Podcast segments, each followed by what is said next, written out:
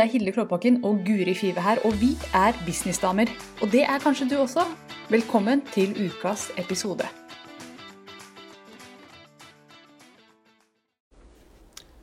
Hallo, kjære businessdamer. Det er Hilde her, og i dag så er det bare meg i podkasten Businessdamer. Så i dag er det businessdame. Og det handler om at Guri har blitt dårlig. Jeg vet ikke hva slags sykdom hun har fått. La oss håpe det ikke er noe kjøttetende. La oss håpe det bare er en forkjølelse eller noe. Jeg tror det var det. Men eh, jeg vet ikke. så i dag så må dere holde ut med meg alene. Og det står Hilde og Guri på skjermen under her. For jeg hadde ikke noen egen stripe med riktig farge. Så i dag er jeg begge to. Så jeg får håpe Guri er fornøyd med måten jeg eh, snakker på hennes vegne eh, med i dag. Så i dag så skal jeg snakke om et tema som dukker opp alltid hos businessdamer, og som er veldig, Uh, veldig framme i min business uh, akkurat nå også. Fordi at jeg, uh, vi driver og behandler det som heter bedragersyndromet inni en av gruppene mine inni Skybar Society. Skal vi snakke om det i dag? Jeg skal få besøk av en gjest, og vi skal, skal dra i gang med, med en, en samtale rundt dette med bedragersyndromet altså senere i dag inn i en av gruppene mine. Men jeg hadde lyst til å ta det temaet og snakke litt om det her i podkasten i dag også. Og spørsmålet som dukker opp hos veldig mange, det er jo dette her når er man ekspert nok til å ta seg betalt for ting? Når kan man nok? Når kan man si at dette her er en tjeneste som du må betale for? Um, altså Når er man på det stedet at man kan liksom kjenne trygghet i å ta seg betalt? Og veldig mange tror at man kommer dit når man er ferdig med en utdannelse. Veldig mange tror at det å, um, det å skulle se, Nå kom det opp en melding her, jeg må klikke bort den. At når man er ferdig med en utdannelse, f.eks. en coachingutdannelse, så, så, vil man automatisk føle seg trygg på at nå er, kan jeg nok. Nå kan jeg ut i verden og selge tingene mine. Men så er det veldig gjerne sånn at den tryggheten ikke kommer så automatisk som veldig mange tror. Og det er jo litt synd. Fordi at det kan godt hende at du er helt rå på det du gjør. At du kan mye mer enn det du eh, trenger for å gå ut i verden og ta deg godt betalt men så holder du deg tilbake fordi du er usikker på. For ingen har sagt til deg at du nå, nå kan du gjøre det. Og dette her kommer jo av, av mange ting. Men skal vi se, hvor skal jeg begynne hen nå? En av årsakene Nå kom det mange tanker samtidig her. Eh, og jeg har ikke noe skript i dag. Jeg bare ser hva som kommer. Jeg tror, jeg, jeg, jeg tror nok på meg selv at jeg er ekspert nok til å kunne snakke om dette her uten å ha noe skript. Så vi får se da om jeg får til det. Men i hvert fall så så eh, kommer dette her av at vi her i livet har um, fått beskjed av andre hva vi skal gjøre. Ikke sant? Du har jo helt sikkert hørt den tanken om at altså, vi, begynner barne, altså, vi begynner i barnehagen. Så er det noen som sier at nå er du klar for barnehage. Og så nå er du klar for den minste avdelinga. Vet ikke hva det heter. Prøvde å komme på det, men jeg kan ikke så mye om barnehager. Når du er klar for den minste avdelinga, så går det noen år. Så når du er klar for mellomavdelinga, så går det noen år. Når du er klar for storebarneavdelinga, eller hva det nå heter. Og så er du klar for førskole. Og så er du klar for skole. Og så er du klar for første klasse, andre klasse, tredje klasse. Det er alltid noen andre som sier når du er klar. Helt til vi klarer å stige opp i gradene. Helt opp mm, gjennom skolen og er ferdig der. Og når vi da hopper av og blir gründere, så er det ikke lenger noen som sier at du er klar nå til å rykke opp. Hadde vi vært en vanlig jobb, så hadde vi hatt en sjef som sa du, nå skal du få fremmes til det og det. Og da hadde vi sagt ja, selvfølgelig, det vil jeg veldig gjerne, og, og betalinga der er høyere. Det kommer naturlig av lønnstrinnet, eh, og det kommer naturlig av stillingen. Men som gründer så må vi sette pris på oss selv, og vi må bestemme selv når vi er klare for det. Og det er en øvelse som vi da overhodet ikke er opplært i. Vi har ikke prøvd det før. De fleste av oss kommer der og bare Holy smoke, skal jeg sette pris på meg sjøl nå? Det er veldig veldig vanskelig når jeg ikke har lært det, og ikke har hatt det ansvaret selv for å, for å finne ut hvilken, hvilket nivå skal jeg ligge på, hva skal prisene mine være? Hvor verdifull er jeg og min ekspertise? Så jeg skjønner godt at mange syns at dette her er vanskelig. Og veldig mange knytter også sin egen verdi opp mot det, den prisen de tar. Hvor mye er jeg som person verdt? Så det kommer et sånn selvbilde, selvtillit. Det, kommer, altså det er en sånn pakke av veldig veldig interessante ting som kommer med prissettinga og med det å skulle ta seg betalt for ting. Så det er ikke noe, at, det er ikke noe rart at vi syns at dette her er vanskelig. Eh, og det er en enorm vekst i å knekke den koden. Jeg elsker at det er litt vanskelig. Fordi at det er rett og slett så innmari interessant å klare å knekke den koden. Jeg er nå på et sted hvor jeg tar meg godt betalt. Jeg gjør det med glede, helt uten å øh, blunke. Jeg vet at det jeg leverer er veldig verdifullt. Jeg har også ikke noe problem med å kalle meg selv for en ekspert på det jeg vet at jeg er ekspert i. Og der vet jeg også at veldig mange sliter med å, med å si at jeg er ekspert i prikk, prikk, prikk. Selv om de har en mastergrad eller til og med doktorgrad og jobba med det i mange mange år osv., så, videre, så er det mange som sliter med å si at jeg er ekspert. Fordi at de, det er alltid noen her i verden som vet litt mer. Og vi har av en eller annen grunn, eller Mange går rundt med den overbevisningen om at det fins bare én ekspert. altså Det er kun den som kan aller mest om et tema, som kan kalle seg for ekspert. Og det er jeg overhodet ikke enig i. Jeg hadde den tanken selv før, før, men jeg har bare klart å legge den bort. Jeg vet ikke helt hva som skjedde, men den er borte nå. Så jeg ser på alle de som jeg jobber med som eksperter på sitt område. Alle som kommer til meg og sier du Hilde, jeg har lyst til å jobbe med dette fordi jeg er så interessert i det. Da er du allerede i mitt hode en ekspert på det.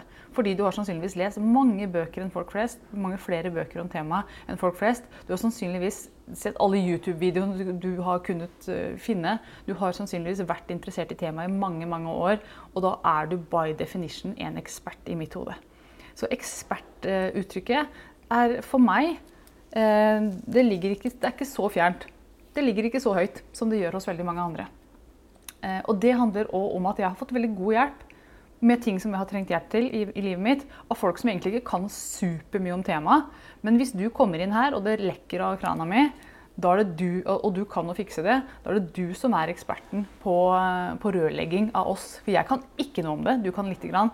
Da er du i mine øyne eh, eksperten i dette rommet. Og Vi skal snakke litt om det ekspertuttrykket, for jeg vet at det, det virvler opp og trigger masse ting i folk. Eh, men jeg har bare lyst til å eh, gjøre noen betraktninger rundt det. Fordi at jeg har hørt og dette her er også bare noe jeg har hørt, men jeg tar den uh, historien for god fisk.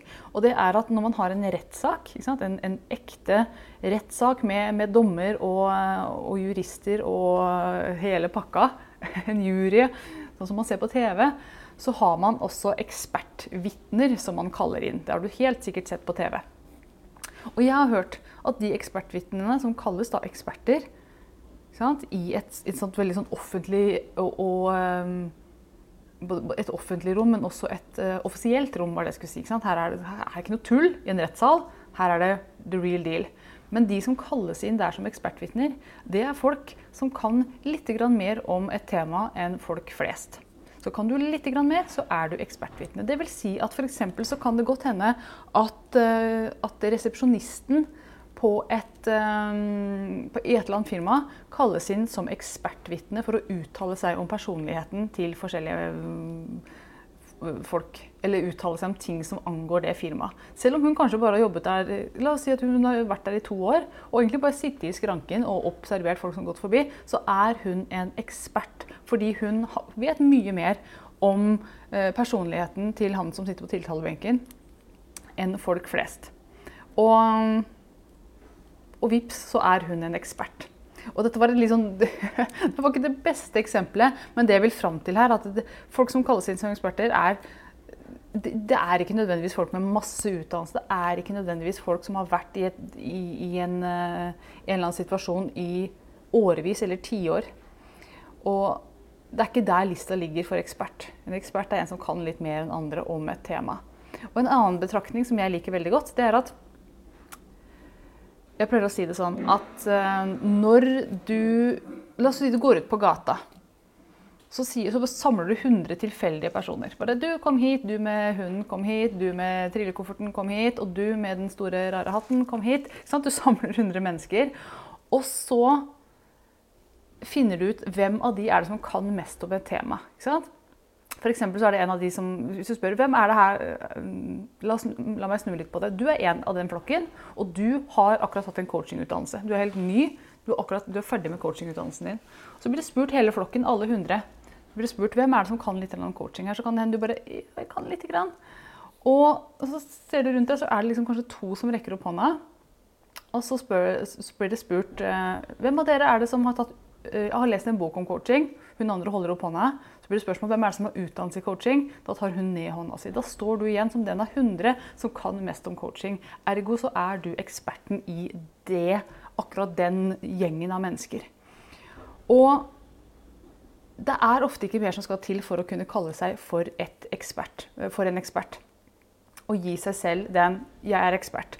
Og grunnen til at mange ikke har lyst til å gjøre det, selv om de har tatt utdannelse og vært i det lenge og lest masse bøker og vært interessert i temaet i 20 år osv., så, videre, så, så jeg tror at mange holder seg tilbake for å bruke det ekspertuttrykket fordi det forplikter. Fordi hvis du har sagt at du er ekspert på noe, så må du, må du levere. Da må du kunne mye om det. Og um, Beklager at den oppvaskmaskinen min er så veldig bråkende. Jeg håper dere ikke hører for mye av det. Jeg får flytte den litt nærmere. Sånn er det når man setter på oppvasken. I all verden. Den har aldri bråka så mye som akkurat nå som jeg er eh, live. Så jeg håper dere ikke hører for mye av det. Men i hvert fall, så er det, sant, det forplikter når man har sagt at man er ekspert, så må man kunne svare på spørsmål. Man, man, man må kunne vite litt om temaet. Og det gjør du helt sikkert. Du som er så interessert i et tema at du har starta en business om det. Du vet garantert mye mer enn folk flest. Du er garantert, altså Om man samler mange flere enn 100 også, så er det sannsynligvis du som kan aller mest om akkurat ditt tema. Du som er aller mest interessert i det. Og Dermed så kan man kalle seg for en ekspert selv om man er helt nyutdanna. Selv om man akkurat er ferdig med å ta den sertifiseringa, eller kanskje ikke har tatt sertifisering engang ennå, så er du en ekspert. Og det gjør at du kan ta deg betalt for det du gjør. Sånn helt generelt så vil jeg påstå at du kan, du kan det. Og mange, venter, altså mange ønsker seg en sånn Hilde, kan ikke du gi meg en sånn test på om jeg er ekspert nok?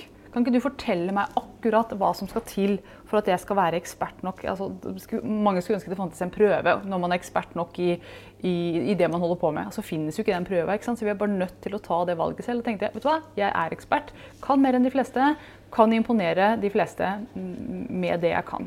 For det, du har sikkert vært borti det at um, noen som ikke kan noen ting, spør deg om et eller annet. Og, um, og blir veldig imponerte når du kan si bitte lite grann om et tema. Eh, F.eks. besteforeldre er veldig fine eksempler der. Hvis du bare klarer å skru på TV-en og trykke på den HDMI-knappen så bildet kommer opp, så blir det sånn Å, herregud, du er så teknisk av deg. Og så var det egentlig helt basic, det du gjorde. Men i det rommet så er du eksperten, og dine besteforeldre, hvis de lever fortsatt, ser på deg som en skikkelig teknoekspert herregud, du kan alt om teknologi, sier de da. Og så kan du egentlig bare Du visste bare at man skulle trykke på den knappen. Men det er ekspertise, og det var det de trengte. Det var akkurat det de behøvde for å få se Dagsnytt. Så, så de, du, de fikk det de trengte av deg. Så den lista for å være en ekspert den ligger for meg mye mye lavere enn hva, hva jeg trodde i begynnelsen. For i begynnelsen var jeg også redd for å kalle meg for en ekspert, fordi det forpliktet, fordi det var skummelt, og jeg var redd for at noen skulle si Hilde, det er noen som kan mer enn deg, så du kan ikke kalle deg for en ekspert. Men nå bruker jeg det ordet til stadighet, både om meg selv og om andre, fordi jeg vet at ekspertise, det er Det, ikke, det ligger ikke så høyt som de fleste mm, innbiller seg. Så, så når kan man ta seg betalt, og når kan man ta seg godt betalt, er jo neste spørsmål. Og det um, skal jeg svare på straks. Jeg skal bare ta opp døra på en oppvaskmaskin, for jeg liker ikke lyden. Så jeg kommer tilbake om to sekunder.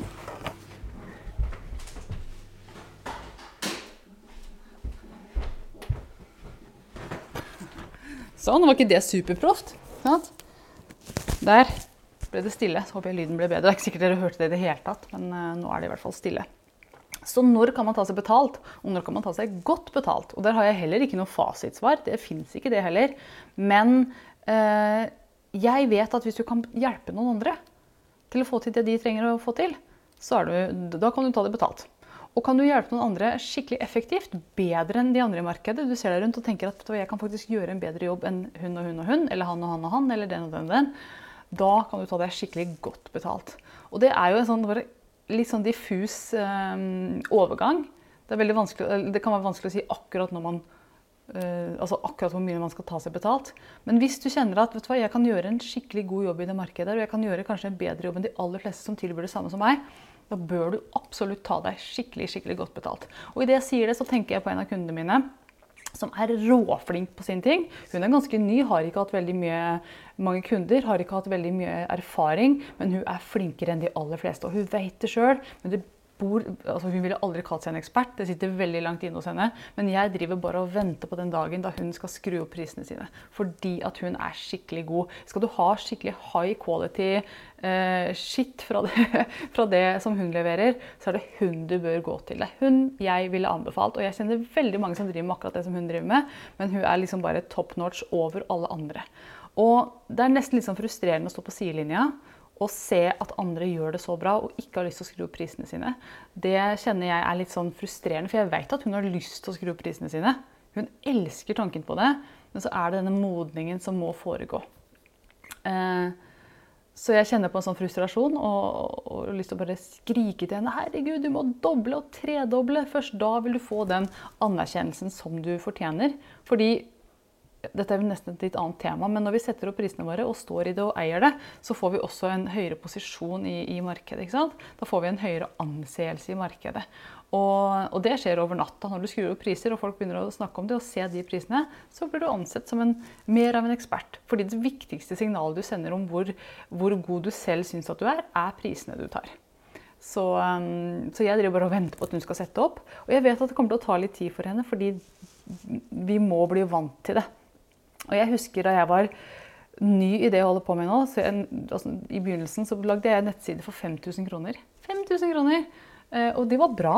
De var fine nettsider. Eh, noen av de er faktisk fortsatt ute på nettet. og Jeg går inn og ser på det. Jeg tenker at dette her er en skikkelig fin nettside. Den lever fortsatt etter eh, nesten ti år. Ti år faktisk er det siden jeg laget de første. Tenk det, den ligger ute enda, snart elleve år. Ja. Og men da tok jeg 5000 kroner og syntes at det var ganske mye penger. og syntes det var litt skummelt å be om det, Men det var det liksom der jeg var komfortabel. Og nå, i dag, hvis jeg skulle gjort det samme, så hadde prisen min ligget på 100 000 for det samme prosjektet. Jeg hadde gjort prosjektet på en annen måte. Jeg hadde gått mye mer i dybden, gjort mye mer branding, gjort mye mer, jeg hadde hatt mye mer ekspertise rundt det. Men selve produktet ville vært ganske likt. Det ville vært bedre, selvfølgelig, for jeg har blitt flinkere på disse årene. Men, men, jeg var god allerede da, og det var verdt mye mer enn 5000 da. Men på denne veien her, og jeg husker da når jeg tok 5000 for mine egne prosjekter, så husker jeg at jeg så til de som tok 100 og mer også, og tenkte Hvordan i all verden klarer de det? Jeg skjønte ikke hvordan det gikk an å stå i det og, og med with a straight face kreve så mye penger for den typen jobb. Og nå ser jeg det helt klart hvordan man gjør det, og at det er det eneste riktige. og at det er liksom det beste måten å gjøre det på. Men da var jeg helt sånn Hvordan går det an? De må være en annen art enn meg. Jeg kunne ikke skjønne hvordan det gikk an. Så den veien har vært litt lang for meg også, og det er den for alle. Vi begynner på et sted, og så setter vi opp prisen etter hvert. Og det som er det beste trikset, eh, mener jeg, da, det er ikke å dra prisen i taket med en gang, eller opp med en gang, men det er å gå den veien steg for steg for steg for steg, og la deg selv og nervesystemet ditt og tankene dine bli vant til et nytt nivå og et nytt nivå og et nytt nivå, så du ikke overstrekker deg. For det føles veldig smertefullt. Og jeg tror ikke man egentlig nesten klarer å få det til hvis man tar prisene for langt opp med en gang. Men det, det er faktisk, og mange tenker at for at jeg skal kunne liksom tredoble prisen min, eller hva det skal være, så må jeg være tre ganger så god som de som har en billigere pris. Men det er ikke sant. Ikke sant? Du må tenke å være tre ganger så god. Du kan være 20% bedre og fortsatt kreve høye, høye priser. Så det, det, det, det er ikke lineært, det her. Og det handler veldig veldig mye om hva som bor inni her, og hva du syns om dine egne ting. en annen ting som eh, også er interessant å se på, det er jo hva du selv investerer i. Er du eh, Altså hvem du selv går til. Fordi at det, det, kan være at de som du ser opp til, og de som du eh, beundrer, ikke kan så veldig mye mer enn deg, men de har bare en høyere selvtillit enn deg på akkurat det de, det de gjør. Sånn at du ser på de som oh, store helter. og så kan det være at du rett og slett um, misforstår hvordan det egentlig henger sammen. Og at det kan være at du er like god som dem, eller kanskje til og med bedre enn de. Men så har du ikke kommet dit at du har klart å se på deg selv som den eksperten enda. Så til deg som lurer på liksom, ok, når skal, jeg, når skal jeg bli den eksperten, og, og, kjenne meg som den eksperten, så jeg kan ta de prisene jeg egentlig ønsker, så vil jeg si at uh, du bør strekke deg. Legg deg så høyt som, over, som du klarer nå, uten å kaste opp. og gjør det over tid.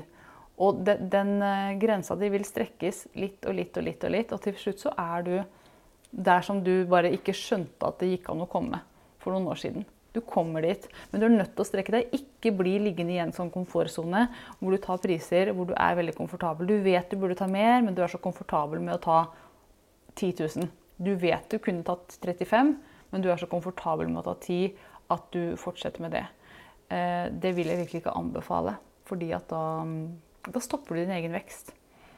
Og nå snakker jeg veldig veldig generelt her. Når jeg snakker med en og en kunde, så er det mye tydeligere for meg hvor prisene bør ligge, og det er mye lettere for meg å gi gode råd, for jeg vet jo hva de jobber med.